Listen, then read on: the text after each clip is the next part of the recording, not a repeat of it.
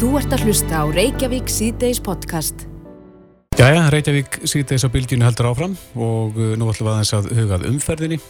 Svona uh, umferðartafir í tengslu við leiðtófundin, svona leggjast á miklum og fullum þunga í dag.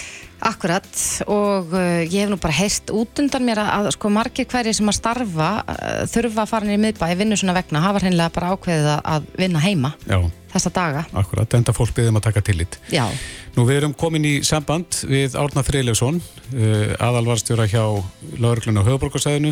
Ég erum komin bara í samband við lauruglum móturhjóli í hafanum, er, er það ekki í sætt, Árni? Já, góðan dag. Jú, það passar. Nú er ég bara hérna inn í lækjagutinu að leiða út á Reykjavík Já, Hv- hvernig hefur þetta gengið í dag til þessa? og heilt yfir hefur þetta gengið sko framar vonum.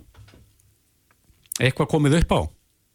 Nei, ekkert sem ég hef heyrt um og, og hérna, allur fylgdarakstur hefur gengið mjög vel hjá okkur og, og það verið vera sem að íbúrinn á auðborgarsvæðinu hafi tekið tillit til okkar og, og, og er, það, er ekki, er ekki margir á ferðinni hérna niður miðbæ. En það er töluverð umferð eins og að vara á hringbraut núna rétt í þessu. uh, og við erum búin að þurfa að vera með uh, fylgdaraksturinn á hringbröð, hann er búin að orsaka uh, örlittar tafir, ég held þetta séu svona 2-3 mínútur sem ökum að þurfa að býða á meðan við fyrir þar um og, og hérna ég hef ekki uh, heyrt eða séð annað en að menn séu bara sáttir við, við allavega okkar aðgerðis. Já. Þið voruð, uh, já, duglega við það að kynna þessar aðgerðir og ég held að hafi nú farið framhjá, sko, farið ekki framhjá neinum, sko, hvar þessar lokanir eru í gildi og fleira. Byggustu við því að, að fólk myndi taka svona vel í þetta? Já og nei, ég vil nú, ég, sko, ég vil alltaf trúa á það góða í öllum önnum og hérna, mér fannst, eins og það segir, kynningin var mjög góð og, og, og þetta búið að vera mikið umræðu, þið fjölmiðla fólk hefur tekið þátt í þessar umræðu náttúrulega mjög vel og það hjálpar okkur og, og ég er svona heilt yfir að þá, þá finnst mér bara allir einhvern veginn vera með þetta á hreinu og, og það er bara eftirvænting og spenna og, og svona gleði í þessu. Já. Er eitthvað um það orðni að fólk sé að reyna að komast inn á þessi lokuðu svæði? E, það er afskaplega lítið. Ég er búin að heyra af einum aðila í morgun sem vildi komast inn á sett lokaða svæði við hörpuna. E, annars er allt náttúrulega opið hérna fyrir gesti og gangandi bara í miðbænum og ko- kosinni. Þannig, þannig að það reynir ekkit á það en, en, en hérna, Þannig að umferð gangandi er, er lefð á þessu svæði? já, já, já, já, það er hérna umferð gangandi og, og hjólandi og, og það er bara uh, gaman að sjá að það er þó nokkuð af fólki sem er á, á, á lappandi hennum og, og svona sína sig og sjá aðra. En svo er svæðið þarna í kringum hörpu, eh, það, það er bara alveg lokað uh, og, og reynilega afgirt að einhver leitað ekki. Jú, það er alveg lokað og, og, og afgift og það þarf sérstaklega aðgangspassa þar inn. Og, og það er náttúrulega bara út af, út af öryggisjónamöðum og það hefur reynt afskaplega lítið á, á þessa lokun. Þannig að það, fólk er að virða þetta mjög mikið. Já, en þetta hefur gengið bara eins og smurð vél í, í dag. Já, uh, að því leiti að, að, að ég veit að það er búið að vera tölurveru fylgdaræktur á Reykjanesbrautinni Mm frá Keflavík og einhverja tafir þar en, en það er eins og hefur verið hérna uh, á ringbraut og það eru svona minni háttatafir. Já. Hverju eigum við vona á morgun? Já, bara sama, þetta er bara endur tekið efni, bara í hinn áttina þá. Já, það þarf að skuttla í, í flug. Já, það er hérna svona eftir upp úr háti og eftir háti þá verður svona svipað í gangi og, og, og smá eiga vona á, á töfum bæði hérna á bara höfuborgarsvæðinu og eins líka í áttina til Keflavík. Mm Hvenær hófust þessar aðgerðir uh, nýri bæ í dag? Uh, það var náttúrulega bara eldstöma í morgun. Uh, lokanir, bæ, bænum var lokað svona 23.00 í gerðkvöldi. Það má ekki gleyma því að við vonum það tókum á móti þó nokkuð fjölda sendinendum gær líka. En svo lokaði svæðið eh, klukkan 11 í gerðkvöldi og, og, og svo náttúrulega var vakt í nótt og, og eldstöma í morgun og þá fór svona alltaf stað aftur. Akkurat, þannig að, að þið fenguð uh, já, morgun traffíkina í morgun og það hefur gengið vel. já, já, það bara gekk vel og hérna, og ég, og mér sýnist á öllu að, að það eru margir sem hérna reynlega eru að vinna heima og hafa tekið, tekið þessum áskorunum um það uh, frá hérna uh, frá þeim sem eru að halda fundin. Já, akkurat. En svo maður búast við því að núna setnipartina þá þingist umferða einhverju leiti? Já, já, og, og núna akkurat í þessu því ég er að kera hringbröðuna þá er tölurverð umferð, hún hingur ágætlega og, og svona ekkert, uh, ekkert út af það að setja þannig sér. Nei, akkurat. Já, við náttúrulega bara hvetjum fólk til þess að spila með áfram og, og láta þetta ganga bara eins og smurða vél. Já, já, ég, eins og ég segi, sko, ég vil bara frósa íbúin hérna á höfðborgarsæðinu enn sem komið er, hvernig hérna þessi dagur hefur gengið og ég held að ef þetta heldur svona áfram að þá getur við öll verið mjög stolt af, af, af þessu fundi. Já, tökum undir það með þér Árni Freilusson, aðalvarstjóri hjá laurugluna á höfuborgarsvæðinu. Kæra þakki fyrir þetta og gangi ykkur áfram vel. Já, takk svo fyrir þess. Þú ert að hlusta á Reykjavík C-Days podcast. Jæja, enn á ný er, eru kvalviðar komnar aftur í umræðina Já, og einhvern veginn finnst manni þungin svona leggjast með því að, að, að hætta. Já, ég held að, að eh, já, við gerðum nú könnunum daginn þar sem við vorum að, svona, að kanna hug þjóðarinnar á því hvort að, að hvalviðar ættu rétt á sér eða ekki og, og það kannski kom einhverjum óvart að, að ég held að það hafi verið um 57% sem voru hlind hvalviðum en, en það hlutfall hefur samt farið minkandi. Já, það er nú stutt sem við gerðum aðra könnun, svona áður en þessi stísla frá mast leið dagsins ljós og þá voru hlutullin rúm 60% sem voru hlindt kvalviðum. Akkurat. En uh, það er, ég held að, að, að þe- þessi umræða er allavega komin í gang og, og uh, bæði sko dýraverndar sinnar og eins hérna, umhverju sjónameðin hafa spilað mikið inn í og, og, og svo er, já maður veit ekki alveg, alveg hver staðan er, hver, hver skoðanir fólks eru á þessu. Nei. Sigmar Guðmundsson frá Viðristn er komið til okkar og Bryndi Sarasdóttir frá Sjálfstæðarflokknum, velkomin. Takk fyrir. Já, þú skrifaði grein, Sigmar, mm. sem að er hægt að lesa inn á vísi.is en þú, það sem þú ferðaðins yfir og kallar þetta hugsanavillu varandi kvalviðar. Hva, hvað áttu við með því? Já sko það sem að í, í, í, þetta er, eh, nú erum við svolítið, að tala um kvalviðarnar út frá þessari skýslu mast sem kom á dögunum sem mm -hmm. það að, að, að dauðastir í skeppnana getur verið langt reið, það þarf að skjóta þær margar hverjar, oftar en einu sinni, oftar en tvísar, þrísar, fjóru sinni jafnvel. Mm -hmm.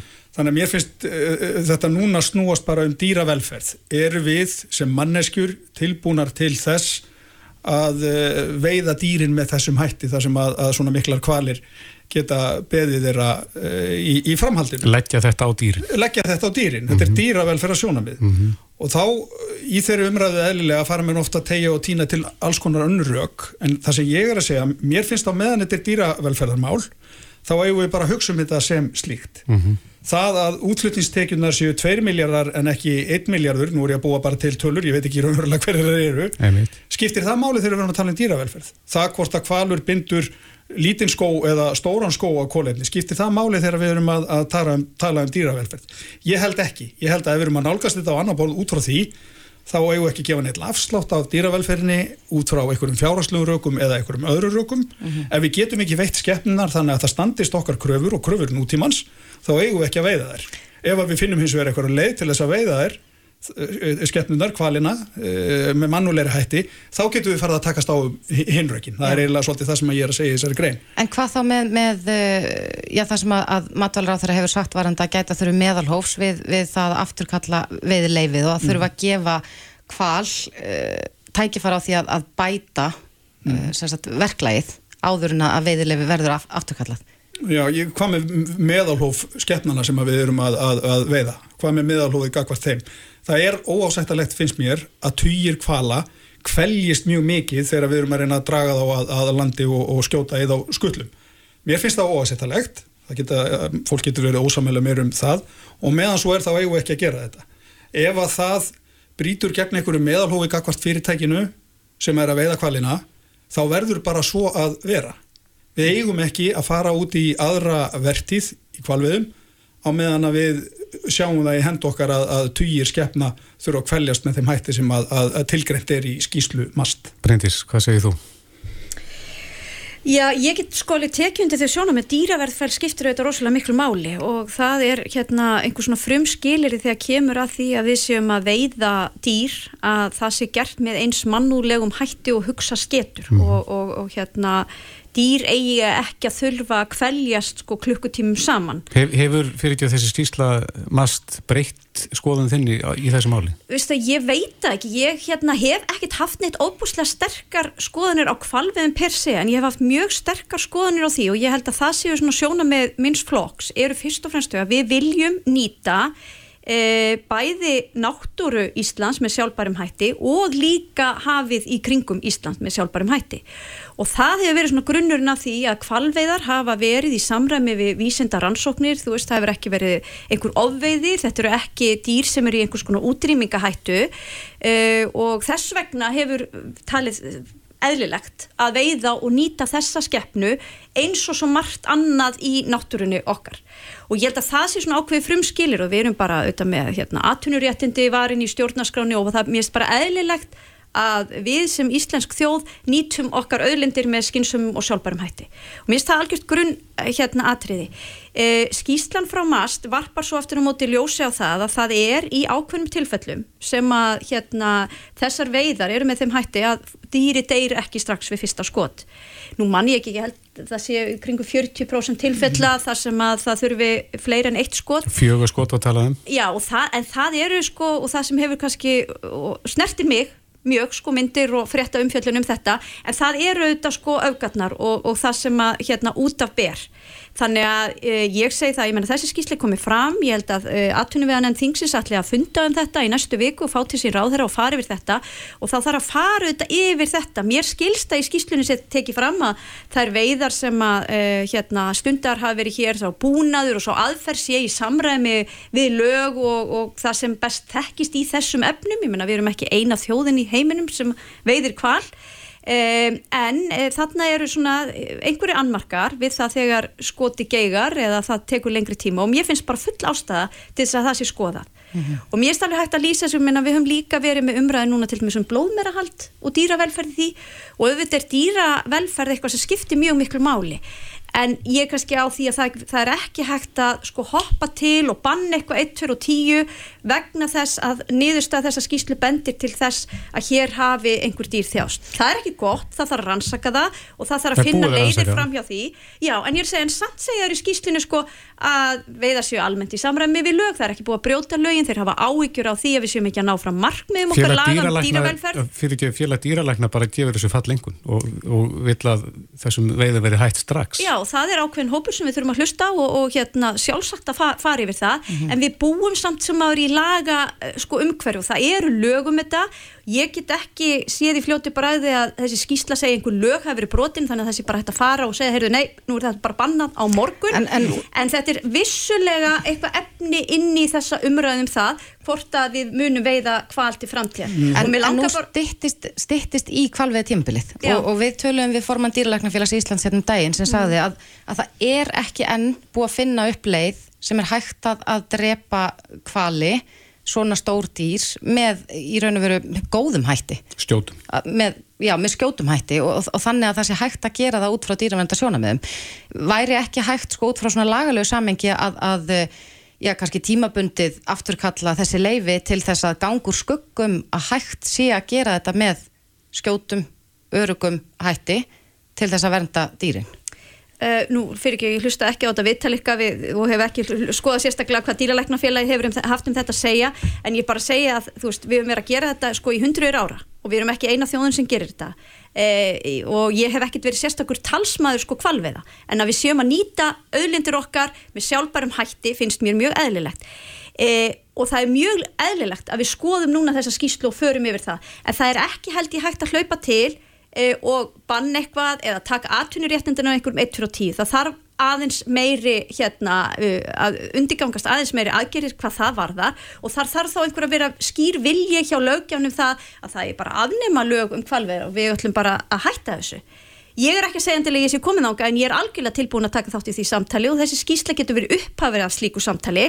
En ég held að það væri mjög hérna, slæm þróun ef við ætlum að hlaupa upp til hand og fóta og afnum einhver lög eða taka réttindi af einhverjum eh, nú leitni um leið og skýsla eins og þessi eh, kemur fram. Bara að minna það líka, þú veist, í skýslunni segir að það, það hef engin lög verið brotin. Það er verið að fylgja þeim ráleggingum í þessum efnum sem að hérna eru með kvalviðar. Mm. Sigmar. Það segir samt í skýslunni einhvern veginn á þá veru að þetta fari gegn anda þeirra hugmynda og laga sem við höfum sett um dýra velferð. Þeir óttast það og Já. það er eitthvað sem allir við það- nefnda á fara það, yfir. það finnst mér einmitt segja okkur bara óskaplega skýrt fyrir utan það að tölfræðin í þessari skýslu er bara með þeim eindæmum að það er algjör forsendu brestur sem að lítur að kalla á það að við hérna uh, kipum þetta leifi úr, úr kipum því úr sambandi og meðan einmitt við erum að fara yfir það hvort sé hægt að gera þetta með mannulegri hætti eða, eða ekki. Og þá eins og ég sagði áðan getum við farið að takast á um öll hinrökin ég er alveg sammála brindis í því. Það er algjör grundvallaratriði að við Íslendingar eigum að hafa allan rétt í heiminum og því að nýta auðlindir eh, lands og sjáar með sjálfbærum hætti. En það er hins vegar ekki endilega þannig að þó við megum það að við eigum að gera það. Þetta er ekkit eitthvað skilir að við verðum. Þarna erum við bara ofar einfallega komin inn á inn á okkur brautir sem að fer að minnstu kosti gegn þeim hugmyndum sem að ég hef um dýravelferð.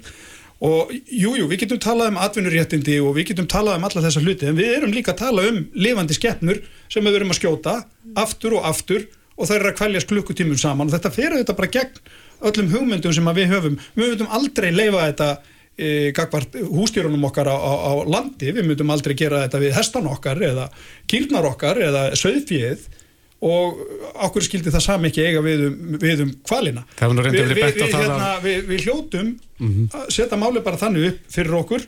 Þessi skýrsla er svolítið að breyta þeim hugmyndum sem við höfðum um veiðarnar, einfallega vegna þess að er, hún er svartari heldur en að við, við heldum, við þurfum bara að takast á við það og meðan að það er þessi mikla óviss um það hvort að við getum uh, stunda þessar veiðar með mannulegum hætti, þá eigum við ekki að stunda þær. Það eru kvalirnir sem eiga að njóta vafans en ekki eitthvað eitt lítið fyrirtæki sem að heitir Kvalur og einn maður sem að heitir Kristján Lofsson. Það, það, það, það, það finnst mér algjörlega Mhm. kristalklart á öllu. Aðeins varandi dýraverlina, við höfum okkur verið bent á það að, að reyndýra viðar, þar getur nú farið úr böndunum líka, alls konar skiptur á ferð og þeir eru að hitta dýrin og, og týna þeim aftur.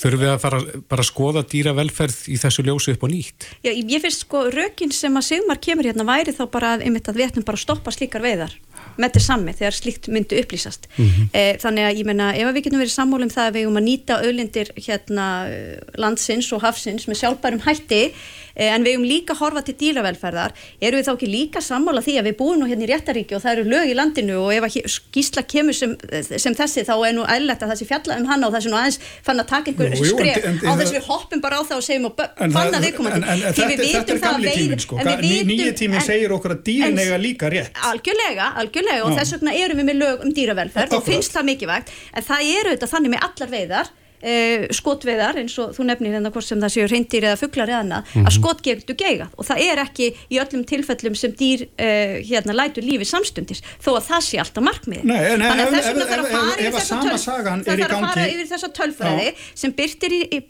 skýslunni og ég ætla ekki að vera talsmaður þess að þetta dýr Nei. engi vill, vill það. En það eru þetta frest, fréttinar hafa fyrst og fremst verið um þessi kannski öfgafullu dæmi sem hafa farið úr skeiðis en Þetta er bara alltaf megnið þetta er alltaf hátt hlutfall Já. af heildar veiðinni sem að fer svona Þess vegna er þarf að- þingsins að fara við það og það þarf að fara við það hvort að beita einhverjum öðrum hætti við þetta en það er ekki hægt að stoppa til í bara réttaríku segir nú bara þarf að stoppa þess að veiða sko. Jú, það er einmitt vegna þess vegna þess að nú að sjáum við það svart á hvítu að ástandið í þessum veiðum það er verra heldur en við heldum við heldum að þetta gengi betur fyrir sig heldur en að skýslan er að leiða í ljós. Ef það er þannig þegar við erum að skjóta reyndir þá þurfum við að sjálfsögða að skoða það líka. Þetta er bara algilt krafa við sem við hljótum að gera á okkur sjálf þegar við erum að, að tala um þessi dýr að annarkvort hafa þau rétt eða ekki. Uh, En- við getum ekki bara hérna hugsað um þetta út frá uh, einhverju auðlítanýtingu eða út frá einhverju einhverju, við siðferðislega þroskan okkar sem mannskeppna að við tökum inn svona hluti eins og það að dýrin eigi rétt. Já, ekki sé að tala um þessar mögnuðu skeppnur sem eru kvalitnir í hafinu. Akkurat, en Bryndis, þú talar um að, að atvinna nefnd þingsins muni, muni fjallum þetta. Heldur þú að, að nefndin geti unni með það miklum hraði að það verði hægt að koma með afgerandi niðurstöðu áður en að kvalveðar hefjast núna á þessu tímubili? Nei, ég hef ekki séð það fyrir mér. Ég held þetta sé miklu frekar þess aðlis að nefndin þarf að setjast yfir þetta ráð þeirra uh, hefur uh, auðvitað gert það og það þarf að ræða þetta á líðræðslegum grunnvendi hvort að við munum halda áfram með kvalveðar eða ekki en ég sé engin rauk til þess að hoppa til núna og taka leifið af einhverju sem hefur verið að veiða. En þetta er vissulega ábending um það að það þarf að gera betur í þessum efnum og ég menna dýravelferð skiptir máli.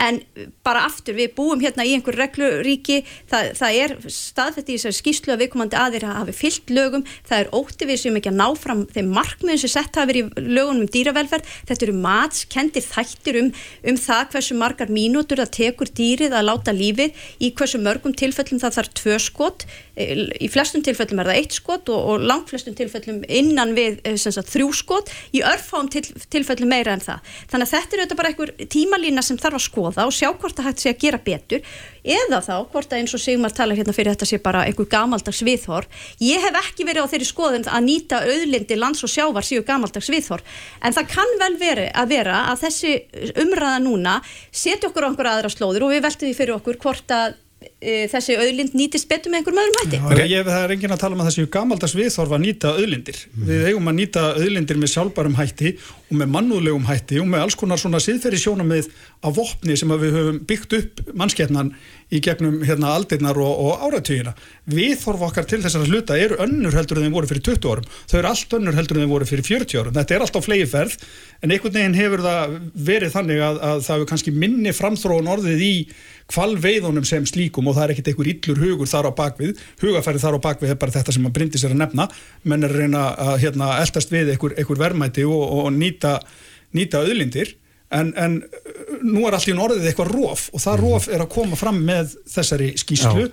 og mér finnst við ekki geta tekið bara sjálfkrafa það ákverðin herðu við ætlum að halda áfram að veiða og meðan við erum með þessar upplýsingar í, í farteskinu einfallega vegna þess að þarna verður bara svona ákveðin fórsendubrestur. Mm. Núna vitum við of mikið um slæmar afleggingar við hennar til þess að geta haldið áfram algjörlega án þess að, að, að staldra við og veltaði fyrir okkur hvort við hefum yfirhauð að fara inn í annað, annað tíumbil. Rétt eins og lókina þegar við erum fallin á tíma, örstuðt svar, erum við komin að einhvern tímamótum? Egið vona því að, að kvalviðin verði hægt eftir þetta veiði tímabil? Við byrjum að því að bryndis.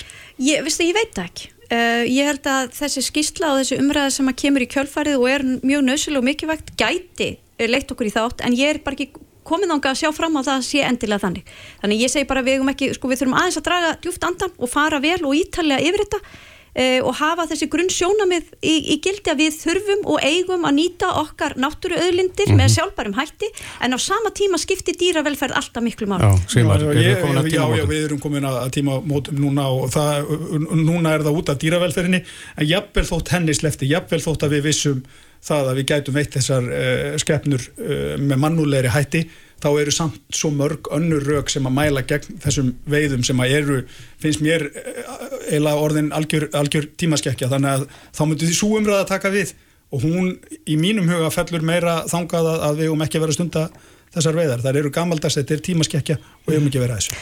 Já, Sigmar Guðmundsson, þingmaður viðristnar og Bryndís Haraldsdóttir, þingmaður sjálfstæðsflokksins. Kæra þakkir fyrir komina. Takk sem leiðis. Þetta er Reykjavík C-Days podcast. Jæja, höldum áfram, byðin eftir sumri, hún er ennþá í gangi. Já, þetta er full lung byð fyrir minn smekk. Ég er reglulega að fá svona áminningar inn á samfélagsmiðlum um sko hvernig, hvað ég var að gera fyrir ári síðan, mm -hmm. slettu ári, slettu tveimur árum og það var alltaf sólablíða. Já, en síðasta suma var nú ekkert uh, glimrandi gott. Nei, nei, það komu þetta góðir dagar inn á milli en, en ég saði nú aðeins örstuft frá því þetta í gær að uh, ég held að við ættum að vera bjart sín mm -hmm. miða við langtíma spána Já, það er spurning, við ætlum aðeins að fara yfir hana hér til skamastund en ég veit að sko selfisingar og uh, hérna nágrannar, mm -hmm. þeir vöknuð upp við algvíta jörðið gær, reynda var snjórin farin síðan um háti en það er svo segir hvort að þetta, það blasir við betri tíð, Einar Sveinbjörnsson hjá Blíka.is og veðuvaktin er komin til okkar, velkomin. Takk, takk. Já, það er búið að vera svolítið kallt, uh, frostið hérna, tölur fóru niður fyrir frostmarki í nótt eitthvað staðar Já, ég laði bara mjög víða, annar staðar en Suðvestan og, og Sunnarlands þar að segja með ströndinni. Mm -hmm. það var eh, sérlega kallt loft yfir síðustu nótt og, og fram á morgunin en eh, Er það eðlilegt með ástíma? það er ekki dóðelilegt sko, það var um, þetta liti fyrra kannski rétt fyrir miðamánuðin og þá, þá var gerðið aldrei vorrætt sko og þau, þau eru svona, þau fylgja bara hvað maður segja tíðafarinu hjá okkur á þessum tíma sko að það eru þetta, það er, það er ilmur á sumri sem að dagana en svo slæri baksaklinn það er bara að gera það þannig og, og það, er, það, er, það er svona eðlilega vorkoma á Íslandinu, maður vill að þetta ekki fá þessi rétt of seint sko. Þau eru stundum að koma fram í júni Þegar gróðurinn er fann að stað? farin að stað sko. Eh, en þetta sko, þetta ger það að verkum þessar sveiflur í hittanum í, í, í mæmánuði, það er sérst eftir sumandaginn fyrsta, gerir það að verkum sko að vorkoman og svona gróðu framvindan er yfir bara svona hæg og það er heldur ekkit endilega endilega svo slæmt sko Nei. svo fremið að það verði ekki einhver alvöru kuldakost sem standi í langan tíma og fara að skemma frá sér En þú ert nú aðeins farin að spá í eh, sumarið, sko, hvernig sumarið mun vera? Hvernig, hvernig lítur þetta út? Já, sko, ég geri það alltaf á um þetta leiti, það koma svona langtímaspár sem að eru veðurlagsspár þegar ámánuði fram í tíman að það er, eru reiknaðar í, í reiknisetrum út í heimi. E, svona um og fyrir miðjan mánuðin, það, er, það gerist alltaf alltaf, síst, alltaf um miðjan mánuðin þá eru þryggja mánuða spár gefnar út og það er alltaf samræmdan hátt. Og svo er Kopernikusarsetrið í, í hérna Evrópu, það held, heldur utan þær og safnaði þeim saman. Útbýr eitthvað svona meðaltal. Sumar af þessum spám eru nú uh, lakar en aðrar og, og maður lært að reynslun og horfa ekki mikið á þær. En, en ég sest, tók mig til og ég tólkaði spá evrósku reiknumiðstöðarinnar fyrir sumarið svo ég gerði þetta í fyrra og í hitti fyrra. Mm spáin í hitti fyrra sest fyrir sumarið 2021 hún var nú frekar hún var ekkert sérlega svona sérlega góð þegar upp á stæði allavega þeir, þau hlýjindi sem að voru þá fyrir norðan og austan síðar hluta sumars að spáin náðu þeim ekki en í fyrra var gert ráð fyrir svona frekar þungbúnu og, og köldu veðri sérstaklega sunnan og vestalands og Svo spátt ég ekki eftir. það gekk bara svona nokkurt veginn, nokkurt veginn eftir þó að sko þetta er í raun og veru þessar veðurlega spár að það er greina ekki veður kapla sumarsins sem að geta verið ólíkir eða, eða náum ekki einhverjum svona skamtímasveiflum heldur svona heildar einkenni sumarsins og, og spáin núna það sem ég les út hjá Eurósku reiknumiðstöðunni er, er allt öðruvísi heldur en spáin í fyrra hún gerir ráð fyrir því að, að í stað þess að lægðabraut verði hérna nærri landinu rétt fyrir svona landið svo verið fyrra að lægðabrautin er, er var, var sínileg og ef hún er þá er hún mjög sunnarlega og það kemur greinilega fram í spáni að það er að, að þvæla stinga norður á bógin meira og oftar að mildu lofti en, en, en hérna er alla jafna sem bendir til þess að það geti verið einhver stípla í strömmnum og það kemur fram sko háþrýsti frávik, jákvæmt háþrýsti frávik hérna milli Íslands og Noregs e, fyrir sömarið og það er þegar að svoleiðis há- frávik verða og við fáum hæðarsvæði hér fyrir austanlandi þá er það yfirleitt hagstætt. Hægviðri. Já, það er, það er hæglátt og mm hægviðra samt og, og það rekur hingað eða berst hingað loft af söðulegum uppruna og, og, og, ekki með lægðum heldur með hæð þar að segja þá þýðir það að það er ekki endilega mikil úrkoma og, og, og sólardagar og með þessu þá reiknast sko hýta frávik að það reiknast hátt yfir öllu landinu sérstaklega í, yfir miðurlandinu Hvað, Þannig þýðir, að- hvað er hátt? Þannig að það eru, sérst, það eru 70, metnar yfir 70% líkur á því að, að meðalhitin hérna verði í efri þriðjungi, þar að segja að það verði markvert hlýrra enn að meðalega. Og það Hvað er er ég það þá að horfa upp á háar tölur? Ég þá erum við að tala um sennilega eina til einu og halva gráði yfir meðal, meðalhita sumarsins. Og hver er meðleitin? Meðalhit, meðalhiti sumar, með, meðalhitin í júlímánuði hérna er svona milli 10-11 gráður. Það er ekki mikið. Það er ekki mikið, nei. En það munar nú samt, sko 10 eða 11 eða Það sko munar- 13 eða 14 Já, jafnvel. já, Það bara akkurat. mun, í sumarveðaróttun hérna ef að hiti er einni gráðu yfir meðalagi, það er bara heil mikið. Já. En, en sko, ég get ekki hægt að hugsa um sömari þar sem það var alltaf gott viður fyrir austan og hvergi annars þar, var það ekki hitti fyrir? Eða jafnvel 2020? Það var 2021. Já, Já. Ver, verður þetta eitthvað svipað nú? Þú talaði nú um hérna svæða á milli Íslands og Noregs og, og, og afleðingarnar af, af þessu fráviki. Já, eiga austfyrðingar vona góðu? Sko, með, sko miða við þetta þá er eh, þá, þá, þetta, þetta er svo staða sem gefur hvað best viður á norður Östurlandi mm -hmm. miða við þetta sé svona reyndar er þetta líka greint niður í mánuði og það má sjá alltaf mun í, þessar sömu spá á milli júni og júli og, og hvort að, hvort að eitthvað sé að marka það sko í ágúst er síðan þessi hildarsvipur en, en í júli er hæðin síndir nær eh, Breitlandsegum mm -hmm. og það þýðir það að þá er eindregnari sunnanóttur og aðeins með heldur meiri rekja sérstaklega vestaverðlandið en, en þetta er nú svona, svona, svona smáadriði og oftúlkun á svona almennri spá En á söðvesturhóttni landsins svona það sem fjöldin er? Já sko það er nú skiptir staðsetningin á þessu hæðarsvæði skiptir öllu máli og það, það er mjög lítið að neikast til upp á það hvort að hér verði söðvestanlands hvort að verði þungbúið mm -hmm. ég fylg ekki dendilega með mikill regningu eða, eða hvort að vindur stendur að jafna af landi sem einhver austan átt og þá er bæði lít og, og, og, og bjart. Og það má mjög litlu munna hvort að hvort að hæðinni séu færiði með þetta sögur hodnafyrir eða hvernig sem við horfum á það sko Akkurat. Já, þannig að þetta er, mér, mér heyrist þetta allavega, ég þrátt fyrir það að, að, að skilja nú ekki alveg veður kerfin til fulls, að þá heyrist mér þetta að vera ansi bjart sín spá. Já, það er að segja, hún, hún, hún, hún gefur góð fyrirheit um, um sömarið. Ég er svo sem ekki að setja fram einhverja, ég er ekki bjart sín í eðli mínu þegar það kemur á veðrinu, ég er bara að reyna að horfa á þetta raunsa í mögum, en, en það sem þess að langtíma að þryggja mánuða spár gera, það er reyna að, að, að sjá sko þessa, þessa heildarmynd og það sem hefur áhrif á hana, það til dæmis getur, getur verið einhver uppstreymisvæði eða hlýrsjósuður á Allandsafi eða í Kirrahafinu eða eitthvað slíkt sko mm -hmm. sem er áhrif á þessa heildarmynd og stöðu viðurkerfana og svo reynir maður að tólka það til veður sér hjá okkur. Og í fyrra var, e, voru þessar spára ekkit sérlega hagstaði fyrir okkur. Mm. en núna eru, eru þær þar eru það það. Og við skulum bara vona það að hann gangi eftir. Það gangi ekki alveg alltaf eftir þessar spár. Er þetta júni, júli, ágúst? Þetta er júni, júli, ágúst. Þetta er, er næstu þrýr, þrýr mánuður mm og hérna en Og hvenna byrjar ballið? Sko, sko þessi, þessi spá hún er frá 1. júni til 31. ágúst Serðu hvernig verður framað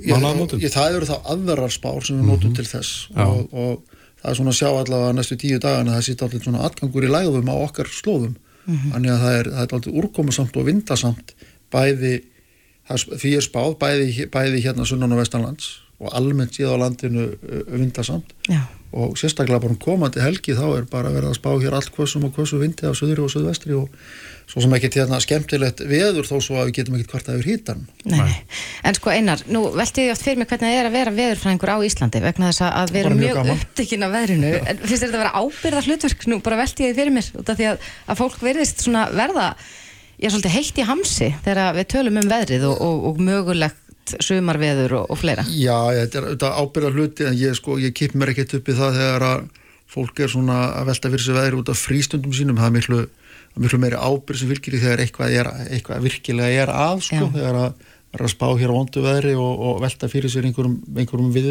viðvörunum og taka þátt í einhverju viðbúnaði. Mm -hmm. það er, það er, en þetta er alltaf ábyrða hluti að, að setja fram eins góðar upplýsingar og hætti er og byggðar á á bestu fórsendum og byggja þar á líkum. Mm -hmm. Já, við skulum vona að, að það verði að við munum á gott sömar ég held samt að við eigum nú alltaf gott sömar sama hvernig verðið er. Hver er svona gæðu smiður? Mísgott Mísgott mm -hmm. Einar Sveinbjörnsson, viðurfræðingur hjá viðurvaktinu og blika.is Kæra þakkir fyrir komuna. Takk fyrir. Þetta er Reykjavík C-Days podcast. Í dag hefst leittóafundurinn svona stóri fundurinn sjálfur og uh, það þurfti ekki að býða lengi eftir því að netárasir letu á sig kræla? Nei, svo sannarlega ekki og það var búið að vara við þessu, tala um að uh, já, þetta væri svona eða veikast í lekkurinn þannig séð að það mm væri auðvelt að, að, að já, fremja þessar netárasir á Íslandi og það væri meiri líkur á því núna heldur náður. Já, og það er ekki eftir. Akkurat. Á línunni er Valdimar Óskarsson, fyrirverandi frangandastjóri Sindis og núverandi frangandastjóri Kýstræk. Kom þið sæl? Kom þið sæl. Já, þessar árásir sem að hafa dunnið á landinu núna í morgun, hvaðan koma þær og hvernig árásir eru þetta? Þetta eru svo kallega distributed denial of service árásir því það þær koma frá mörgum, mörgum stöðum í einu þannig að það er erfitt að segja að koma frá einhver einu landi þetta getur komið frá mörgum landum í einu mm -hmm. uh, það er mjög erfitt að verja þessum árásum og það er alveg samakort að sé á Íslandi eða annar stað því að þessi hópur sem er búin að gangast við þessum árásum þessi nónum 57 sem kom fram á sjónasviði skammu eftir árás rúsa inn til Ukraínu og þeir eru búin að gera tilsvarandi árásir á, á mörganu lönd meðal annars bandrækin, Danmörku, Nóri mm -hmm. og oftast er það tengt einhverjum yfirlýsingum um, um stöðning við Úkrænu í, í stöðinu. Mm -hmm. Þetta er, þetta er einhver tölvu árásar hópur þessi No-Name 57 sem hefur líst yfir ábyrð á, á þessum árásum ekki satt? Jú, er, og þessi, þessar árásar eru er, er, ætlaði til þess að valda svona ekstra tröflunum. Þessi tegund árásar er ekki að valda einhverju fjárháslegu tjóni nema þá bara að að hérna, síður er ekki aðgengilegar en ekki þessar hefðbundnu, hvað maður að segja, árásar í fjáröflunna skyni eins og gagna gíslatak og annað. En maður búast við því að þeir færi sig upp á skaftið að þeir reyni aðrar aðferðir? Hvort að þeir eru þeir eða einhverjir aðrir, það er ekkit ólíklegt að það fylgja einhver svona í kjölfarið og geri, geri annars konar árásir með öðrum, með, semst, öðrum tilgangi til dæmis til þess að valda enn meiri skada eða jafnvel að sækja eitthvað fjö síðan hefur það komið fram að, að það sé eitthvað verið að herja á almenning ég dref það pínulítið ef að það sé þessir, þessir hópar en frekar einhverja aðla sem að, sem að fylgja eftir og komast nýjum kjölfarið á þeim. Og það er mjög mikilvægt að, fólk bara verði sí á varbergi, ekki bara núna heldur bara yfirleitt, þannig að þetta er bara eitthvað sem er viðvarandi og við höfum eftir að sjá um okkurna framtíð. Mm -hmm. Um, þetta er auðvitað, það var að spá fyrir um að þetta myndi gerast. Eða að búast við því að það verði enn fleiri og jafnvel starri netáru sér á næstu dögum á meðan þessi fundur er í gangi Ég myndi ekki tella eitthvað ólíklegt en það sem þarf náttúrulega að vera fyrirtæki þurfa að vera klár starfsfólkar vera sérstaklega mikið á varbergi að smetla ekki á hlekki einstaklingar að samtík ekki tvíða drauðkenningar og, og fyrirtæki bara virkilega vera viðbúin ef að allt fer á vestaveg vera með einhverja aðgerra áallin. Já, þú segir að samþykja ekki hlekki í tölvupostskeitum, hvað gæti leinst í því? Það geti verið einhverja óvaru sem kemist inn á, inn á tölvuna og ef það er komin óvara inn á tölvuna og, og þessi óprútni aðli situr í raun á aukslinni á viðkomandi starfsmanni og getur gert allt það sem að starfsmannin getur og hefur sömur réttindi og þannig farið um gjörvalt tölvukerri fyrirtækja og valdi miklum skada. Mm -hmm. En, en Valdimar, nú, nú, ég held að almenningur áttir sér ofta ekkert alveg á því hvaða skadi getur orðið af þessu. Ég sá til dæmis uh, talað um það að, að það væri verið að uh, senda svona beðnir úr rafrænum skilríkjum til að komast inn í einhver kerfi. Hvaða kerfi mm -hmm. eru það helst sem að já, svona óbrútnir aðilar myndu vilja reyna að komast inn í? Það eru til dæmis bankræningar. Bara til þess að, að komast í peninga þá hjá einstaklingum og, og fyrirtækjum? Akkurat akkurat. Mm -hmm. En svona hópa sem að tengjast innrásinni eða rúsum á einhvern hátt, Hva, hvaða, hvaða kerfi gætu þeir vilja ná tökum á? Það er náttúrulega þessi, þessi kritísku innviðir sem að, eða mikilvægi innviðir á Íslandi sem náttúrulega orkugerinn og fjárháskerinn sem að náttúrulega er alltaf sérstætt skotmark þessara aðila. Það er mjög öflugt að geta komist yfir stjórn á, á þessum, þessum mikilvægi innviðin. Mm -hmm. Til að slakka ljós og annað slíkt? Já, eða það hann er meira slokk á virkunum eða, eða gera eitthvað ennþá verða. Er, er möguleikja því? Er, eru þessir innviðir ekki vel varðir? Ég held að innviðir séu ágætlega varðir en það er alltaf, þetta fessaldi eftir hversu einbettir þessir hópar eru. Það er aldrei að það vera 100% örgur. Það er hægt að, við höfum séð það að þessi, þessar ríkistjóknir eru náttúrulega að búa til ákveðna lausnir eða ákveðnar árásir til þess að geta komist undir allar varnir og þá, þá skiptir máli að, að já, vera eins mikið á varbergju hættir, vera að fylgjast með og, og, og skoða nýja lausni sem að getur kannski hjálpað með eitthvað. Mm -hmm. Akkurat, ég var að, að reyka augun í frettir þar sem talað var við um, aðstóri yfir löglu þjón hjá greiningateild ríkislauglustjóra sem segir að, að þau séu með já, óstaðfestar upplýsingar afsakaði, um hvaðan árásetna koma. Er hægt að, mm. að, að bara setja fingur á það nákvæmlega hvaðan svona árásir koma? Ja, sko, ég held að það sé átt við þar að hvaða hópur hefur gengist við árásin.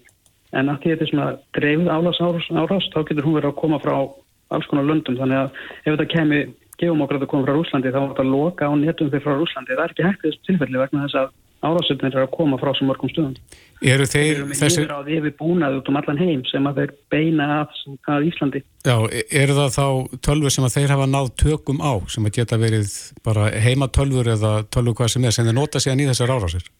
Já, já, eða bara öflugar, öflugar tölur sem er að kipt sér að eða fengis, fengið aðgang að eða nú er alltaf að tala um þessi, þessi eða hlutanetti sko, þessar ljósaperur og annað og það er alltaf ekki mikið, mikið örgjur og aflýtt með ef þú ert með marga miljónu ljósapera þá, þá hérna er þetta að gera ímislegt. Mhm. En aðeins yfir í annað og kannski tengt þessu, þú ert hættur hjá Sindis og búin að stopna þetta eigi fyrirtæki sem heitir Keystrike Já, e, og þið Ásamt öðrum. ásamt öðrum og, og þið ætlið að er það ekki að reyna að auka tölvu öryggi heimsbyðarinnar? jú, við erum að koma fram með ný, nýstarlega laus sem að er, sem að Ímir Vigfússon, dóttir Ímir Vigfússon hjá Emory Háskóla í Bandaríkjónum á þessa uppfinningu. Og, og hérna við erum búin að ná samkomulegi við Emory Háskóla um að fá að þróa þetta áfram og þar eru við að tryggja það að ef að einhver starfsmæður það er búið að, að ná yfir á með við komum til tölvu, þá erum við að tryggja það að allur einsláttur frá þessum aðilega, frá þessari tölvu komi frá þessari tölvu sem að starfsmann er með, ekki einhver óprótin aðili sem situr á öxlinu og kemur einslátt yfir netið úr að þykjast vera hann. Hvernig farið það því? Við erum með, setjum lítið hugbúnað á, á hérna, á hverja tölvu sem tengist á móti þá kritisku minnum eða mikilvæga minnum og við sendum svona dulkóðaða líkil getur við sagt með hverju einslægi þannig að við erum að votta að ef að, ef að Kristófur slæðir inn A að þá vottum við hinnandan að þetta A kom frá Kristófur en ekki frá einhverjum öðrum. Þannig að hakkarinn hefur þá ekki lengur með tölvun að gera? Hann kemst bara inn á þessu einu tölvu, hann kemst ekki út úr henni. Þannig að við erum að stoppa hann þar, þannig getur ekki flakkaðu netið og fundið viðkvæm kerfi sem hann getur áhrif á eða tekið í gagna gíslatöku. Þannig að við stoppum hann í, í þessari einu tölvu sem hann kemst inn á, sem aldrei hættir að stoppa, þannig að við erum með starfsfólk og það virkar alltaf að senda einhverja sérstakka linka eða, eða já, skrýtna linka sem að fólk smeltir á Akkurat. og þá hakkarinn er yfir á auðvitað tölvunni. Er, er þetta, þessi hugbúnaður, ef, ef, ef það má kalla þetta hugbúnaður, er þetta öflugur en það sem við þekkjum nú þegar í, Já, í bara- þessum vörnum? Þetta er, bara ekki, þetta er bara ekki til, þetta er bara allir sem heyrir um þetta út í heimi, við erum búin að tala við ameríska varnamálránitið og fleira aðeila, þeir bara segja, býtu, akkur er þetta ekki til. Þannig að þið eru að fara að sigra heiminn? Við skulum kannski ekki orða það þannig, en við gerum okkar besta, við erum náttúrulega, erum nýtt fyrirtæki, stofnaður í janúar, en við erum, við erum að byrja að setja upp fyrstu lausnina hjá fyrirtæki á Íslandi sem að hefur að gema mikilvæg. Já, þannig að þetta er til. Þetta er svona að komast í það að við getum farið að prófa í raunum hverju. Já. Já, þetta er spennandi. Við fáum að fylgjast með þessu og áframhaldinu hjá ykkur hjá Kýstræk en Valdimar Óskarsson, frangáðustjóri hjá Kýstræk. Kæra þakki fyrir þetta. Takk fyrir mig, takk. Reykjavík síðdeis á Bilginni podcast. Það er ótt að segja að það við færst í vöxt að Íslendingar er að kaupa sér hús, ansi víða og oft verður sólinn fyrir valinu. Já, ég held að, að eh, já, svona, ef að Íslendingar ætla eitthvað að fara að hugsa sér að, að eiga fastegn annar staðar, Mhm. þá er það nú kannski ólíklega í færi. Það sem að það er kannski svolítið svipað veðurfarnu hér. kannski, en, en, en margir leiti sólina og Já, hita. já, algjörlega. En við heyrðum að því að uh, það er fasteignarsala sem að er spænsk, heitir Novus Habitat. Hún er á hjólum hér á Íslandi þar sem þeir eru komni með þessa fasteignarsölu út í bú Mhm. og eru að keira um landið skilst okkur. Já, hvað ætlaðu að gera? Við ætlum að komast að því. Hún er á línunni hjá okkur, Steinun Fjóla Jónsdóttir, fastegnasali hjá Novus Habitat. Komdu sæl, Steinun. Sælverði. Já, þú ert og þið eruð á ferðinni hérna á Íslandi þegar ekki, þið eruð að fara með fasteignarsöluna til fólks. Já, við erum að sækja landsbyðina heim og, og erum á ringferðum landi. Mm Í augnablikinu stötta Húsavík búin að- heimsækja já, Selfoss, Vestmanner, Höfni, Hortnaferði og, og erum á Húsavík í þessum töluðu. Eru Íslendingar áhuga samir um fasteignir á Spáni? Já, eðlilega, Kristoffer, eðlilega. Það er, það er ekki bara sólinn, það er uh, lofslægið og byrtan og, og, og verðið og, og veðrið. Mm Er frambóðið alveg nægilega mikið ef að, ef að þið myndu nú bara slá í gegn á, á með fastegnasölun á hjólum og selja Íslendingum alveg í, í massavís? Er, er nóg Já, til já. af fastegnum? Já, já, það er, það er nóg til að fastegnum, við erum eh, einblínum eh, engungu, nánast engungu á nýbyggingar og það er nóg til, það er nóg til. Segðu okkur aðeins af því sem, að, sem er í bóði. Hvað, hvað eru Íslendingar og hvað stendur þeim til bóða að kaupa? Það er bara allt millir heimins og jarðar til að snýra fastegnum. Það eru íbúðir, það eru einbílishús, það eru rathús. E, Sumir eru hlippnir af íbúðum í kjörnum þar sem góð aðstæða er og, og þjónusta e, fyrir fólk og, og aðrir vilja vera út af fyrir sig með enga sundlu í einbíli. Þetta á hvaða svæðum eru þessa fastegnir? Við erum eh, spönnum dáltið mikið svæði alveg frá uh, Denia í norðri og, og söður til Pilar de la, de la Horadada í, í söðri sem er Costa Blanca-ströndin. Svo erum við líka með eignir á Costa Calira-ströndinni sem er Murcia hér sem er þá sunnan við Costa Blanca og tegjum okkur alveg nýri Marminor og La Manga rifi sem að margir Íslandingar þekkja. Og að auki, Kristófer, þá erum við með uh, samstarfið aðila á Tenerife Já, já, já. Fyrir þá sem hafa áhuga því. Hvernig er verðlæð? Hvernig, hvað, hvað kostar fastegnar spáni? Við, við þa- vitum það auðvitað að, að, að fastegnar verður í hæstu hæðum hér á Íslandi. Er, er staðan svipuð þar? Fastegnaverð á Spáni er ennþá gott í dag. Það hefur auðvitað orðið eh, ákveðin hækkun í kjölfar stríðisins í Úkrænu sem að, eh, hefur haft áhrif vegna þess að efni til bygginga hefur hækkað í verði en samt sem áður er það tölvert ótýrar en hér heima svo gefur að skilja einbillishús fyrir 300.000, 350.000 upp í 400 og íbúðir eh, frá 200.000 upp í 300.000 efri. Það telst nú bara helst nokkuð gott verð þegar að, þegar að Íslandi kemur sko. Hva, hvað er það í íslenskum? Hvað er það íslenskum 40, 50, 60 miljónir cirka bát? Já, akkurat. En þú segir, þið eruð að selja líka fastegnir á Tenerife. Er það færast í vöxt? Er það, er það orðið vinsætla svæði núna heldur oft áður? Nei, sko, Tenerife, við erum með Tenerife vegna þess að það eru margir Íslendingar sem hafa dvali þar í, í gegnum árin og vilja eða jólum þar og, og annað það náttúrulega jafnur að hitast til þar yfir vetartíman Mm og við ákvaðum að leita leiða til þess að geta búið upp á það líka og það gengur uh, stórvel. En fastegna verð á Tenerife eru talsvett herri en við á meilandinu, við kosta blankastöndina er svo það komið fram Akkurat. Hvernig, hvernig ganga þessi viðstíti fyrir sig? Er fólk að taka lán þá á Spáni eða hér heima? Sumir taka ekkert lán. Þeir sem að vilja fjármögnun á Spáni geta gert það í gegnum okkur. Við erum í samstarfi við fjármögnuna fyrirtæki sem að hefur gefið góðan árangur. Reyndar er það nú þannig að, að, að eftir COVID þá lókuðu flestir bankar á Spáni á Íslandinga vegna þess að, að krónan er svo óstöðug og, og en í, í kvölfari þá tókum við upp þetta samstarfi, þetta fjármögnuna fyrirtæki og, og e, það hefur gefið góðan árangur. Vextirinn hafa reyndar hækkað örlítið á síðustu tveimur árum. Það er í svona 4,5%, 4,5% í dag. En í hverju voru þeir fyrir stríð? Þeir voru í svona 2 2,5 Já. En, En- það er dálítið hækkun á því. En þið eru á ferðum landið. Hvernig, hvernig hafa eh, já, móttökunar verið? Móttökurnar hafa verið mjög góðar, eh, ekkert eh, fyrst út úr húsi en þeir sem koma eru virkilega áhersamir og, og við höfum átt gott spjall við marga eða ég. Og, og hérna, það er svo sem gengið á ymsu, við vorum nú næstum því búin að, missa eitt dekk undan bílnum sem betur fer kom, aðtöfull aukumæður auða á það og, og hérna og bændarsamfélagi kom okkur til, til hjálpar á, á þeirri stundu sko. En já. það hafi rímstætt gengið á því að við byrjum en, en móttökurnar eru góðar á öllum, öllum stöðum og, og virkilega gaman að hitta fólk heima og, og já, fá að skoða bæina í leininni og svona, þetta er skemmtilegt þetta er skemmtilegt verkefni Er, er fólk að heimsæti ykkur þegar hvað, er það á húsbíl eða í hjólísi? Við erum á húsbíl, en við erum nú samt sem áður búin að bóka sali á hótelum í, í, í bæjarfélagum, hótelum og kaffeterjum til þess að að stilla upp svo að fólk getur komið inn og fengið sér kaffesopa. Já. Við erum ekki að selja úr húsbílnum. Nei, og, og þið eru með myndir og, og hérna, upplýsingar um þessa fastegni sem að þið eru að selja.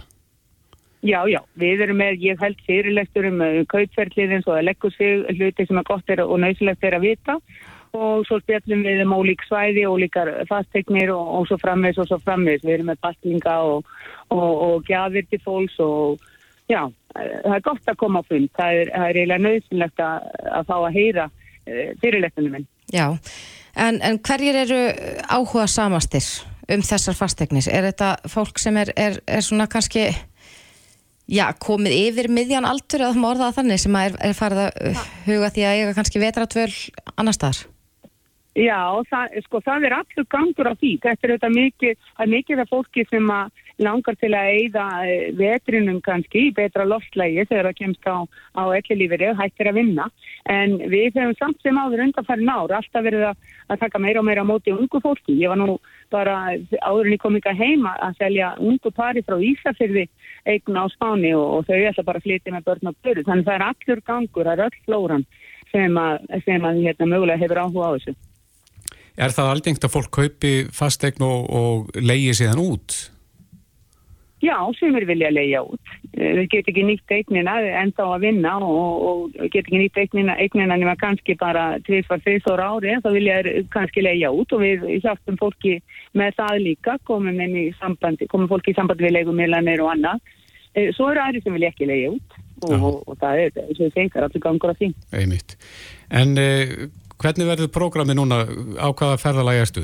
Hvar verður næst? Nú, já, nú er ég stöld á Húsavík, Kristófer. Ég við erum með kemmingu núna klukkan fjögur, frá fjögur til sex á Fosshótili hér á Húsavík. Svo verðum við á Ísafjörði eh, ekki á morgun heldur hinn. Og þaðan heldur við svo söður og um helgina verðum við í Garðabæi á lögardegi og Reykjavík á sunnudegi. Og þetta, þessa dagskráma að finna inn á inn á Facebook sem dæmi, inn á Novus Habitat fastegnir mm -hmm. síðunni tímasettingar og annað. Já, ég veit að þetta hljóma vel í eirum margra. Uh, fólk sér í hitlningum að komast aðeins í hittan og, og sólina, en Steinun Fjóla Jónsdóttir fastegnarsali hjá Novus Habitat. Kæra þakki fyrir spjallið og gangið vel á ferðalæginu Takk fyrir það og kæra þakki fyrir að hlinga virkilega gaman að heyri ykkur. Sömleis, bless, bless. Hlustaðu hvena sem er á Reykjavík C-Days podcast Upp á síðkastið og kannski undan farin ár hafa loppuverslanir eða svona loppumarkaðir mm -hmm. notið mikill að vinnisalda hér á landi. Hvað er loppumarkaður? Sko loppumarkaður, ég held að þetta komi, sko, úr, þetta er dönsku sletta. Þetta eru svona uh, markaðir þar sem að einstaklingar geta komið og selt uh, nota hluti, bara mm -hmm. född eða, eða hvað sem er og ég held að fyrsta líka verslunum var barnaloppan sem var opnið hérna fyrir nokkur mánum síðan og hefur vaksið gríðarlega mm -hmm. og ég held meira þess að staðan er þannig að sko, það er bara heilung byggð í það að geta fengi bás í loppunni til þess að geta selt Fer maður þá með fatnaðin sem stá staðin? Já, þú fer með hann á staðin og svo er þetta bara verslun sem mm -hmm. að fólk gengur um og, og verslar og það er nú komnar fleiri svona verslanir ekki bara fyrir barnaföld og ég held að þetta tala líka svolítið inn í tíðarandan að, að við erum kannski orðin meira vakandi fyrir það en að nýta hlutina betur Já, umhverju svendin Já, maður hendir ekki fötum bara mm. í, í sorputunnuna sko Einmitt. heldur vill maður gefa uh, hlutunum og flíkunum uh, áframhaldandi líf Já. en við rákum augun í uh, frett inn á mbl.is þar sem að, að segja frá því frá nýju smáfóriði sem heitir REG mm -hmm. sem er í raun og veru loppumarkaður í appi Já og hún er sest hjá okkur Ásta Kristjánsdóttir sem er eh, einn af stopnendum Regs, kom til sæl Sælverdu, sælverdu uh, Ásta, þetta eins og við segjum að þá, þá hefur þetta auðvitað notið mikil að vinsalda upp á síkasti þessi loppu markaðir. Er þetta að svara kallinu eftir uh, öðruvísi nálgun á þetta? Já, það var í raun og veru, sko eins og þú nefndir, þá hefur, hefur vinsaldi loppumarkan og loppu verslanuna stóru aukist undanfarið og unga kjensluðan okkar er alveg fara broti með það að nýta sér þessa, þessa þjónustu mm -hmm. en það var alltaf svona hálfgett gat á markanum það, vegna þess að það vantaði svona rafrænan vettvang til þess að kaupa og selja nótu fött og það eru til svo lausnir erlendis en það var ekki til neginn íslensk ekki neitt íslenskt app þar sem þú gast keift og selgt nótuðu föttinni mm -hmm. þannig að bara svo hugsan let mig ekki friði sko þannig að ég hérna ég ákvaða að reyna að, að hérna, fylgja því eftir og búa til Íslandst app sem Já. er núna lítið dagsins ljós. Hvernig virkar þetta? Já, appi virkar þannig að þú bara sleður inn fötunum þú skráir þig til að mynda fyrst inn sem mm -hmm. notandi með rafrænum skilríkjum þannig að allir notendur hjá á regnappinu eru, eru auðkendir mm -hmm. á, á nafn og svo skráir inn flíkina þína og, og Tekumyndir? Já, tekumyndir mm -hmm. og, og ferði gegnum svona ákveði skráningaferli mm -hmm. þar sem hún lýsir, lýsir flíkinni og segir frá helstu eiginleikumennar mm -hmm. og svo þegar að hérna, kaupandi fellur fyrir flíkinni að þá ítir hann bara á napp sem er kaupa og við það opnast hérna svona samtalsgluggi á milli kaupand og seljanda það er að segja eftir að greiðslu ferlið hefur gengið í gegn allar greiðslur hjá okkur fara í gegnum auðrappið mm -hmm. Þannig að þeirra búið að ganga frá greiðslu sem að millilendir hjá okkur og við höldum henni þangar til aðfending hefur farið fram það opnast þessi samskiptamáti þar sem að kaupandi og seljandi ræða sín á milli um það hvernig þeir vilja nálgast vöruna, aðfenda eða, eða sækið að senda eða hvernig það á að fara fram uh mhm. -huh. og svo þegar búið aðfenda vöruna þá, þá hakar seljandi við hérna napp þar sem segir að var hans í aðfend og daginn eftir að þá berst hún um greiðsla frá Já. okkur að frádreginni sölu þóknur. Þarf sá sem er að kaupa vöruna þarf hann að staðfesta að hann hefði fengið hana? Nei, hann þarf í raun og verið ekki að staðfesta að hann hafi fengið hana. Mm -hmm. mm. Já, sko, ég held nefnilega að, að þetta sé, við myndist nú aðeins á það hérna á þann, að við erum kannski verða eins meira meðvituð um það að vera ekki bara að kaupa og kaupa mm -hmm. eins mikið og kannski hérna áður og líka þá að geta nýtt það áfram. Er þetta, ég sá í þessari fréttina en bjalla að nú, nú þegar hafum 600 mann sótt appið en það er nú samt ekki -hmm formulega komið út. Nei, nei, það er alveg rétt, það er alveg ótrúlega mikill áhí og, og mjög skemmtilegt að segja frá því að við sem sagt fórum á stað með prófanir á appinu, appið er búið að vera í smíðum hjá, hjá hérna, frábæri fyrirtæki sem heitir Kolibri mm -hmm. og þeir hannuðu sagt, viðmótið og forrituðu það og við settum það í sagt, prófanir í byrjun mars, fyrst svona lokaðan prófan, prófanarhóp og svo var opnað fyrir bara allir sem vilja, þeir geta skráð sér bara gegnum hlekk sem er inn á Instagram síðan okkar. Og það hefur bara, þú veist, það bara fjölgar hverjum einasta degi um, um þó nokkra og, og við margar, kaup, um, margar sölur, kaup og sölur búin að fara í gegnum þegar. -huh. og fullt af flottum flíkum og, og bara virkilega skemmtilegt svona samfélagi sem er að myndast og, og bara hinga til og sinni í 13 að þá sem betur fyrr hafa ekki orðin einn svona nögrar á viðskiptunum mm -hmm. þannig að, að, að þetta er bara, já, búið að vera mjög ánægilegt að svona fylgja svo hlaði, sko. En gerir þið ráð fyrir í þessu appi þar þess að sendingakostnaði? Hvernig reiknast þannig í þetta? Sko við sjá, komum ekkert að Nei. sendingu eða afhendingu. Mm -hmm. Öll viðskiptin eru svona, hvað maður að segja, bara neytandi til neytanda, skilur við. Það er ekki, þú veist, við erum ekki með neina umsýslu umsjón með viðskiptunum við bara veitum vettvangin til þess að auglýsa vöruna til söl og gera hana sínilega mm -hmm. og svona einfalda fyrir viðskiptunum Já, þannig að þetta er bara, og svo er það bara samningsatra á milli þá seljanda og kaupanda hvernig Já, því skal hættað akkurat. akkurat, en hinga til, sko það, það er nú alveg mjög virk svona fatasala í alls konar Facebook hópum og fleira, en, en, en það er svolítið mikil frumskór, verður appið notenda vænt? Þannig að maður getur svolítið svona fundið mm -hmm. hlutina með auðvöldum hætti. Þú veist að leita eitthvað ákveðna og getur þá fundið já, það. Já, appið er hannað út frá þeim fórsendum að það verði bara einfalt, örugt og skilvirt mm -hmm. og það er bara nákvæmlega þú veist, það sem við stefnum að það, bara þannig er það orðið í raun og veru að það er, það er bara hægt að leita og að, þú veist, að þið langar í rauðan kjól að þú getur leitað rauðan kjól Getur leitað eftir númeri? já, þú getur leita eftir stærðum já, já.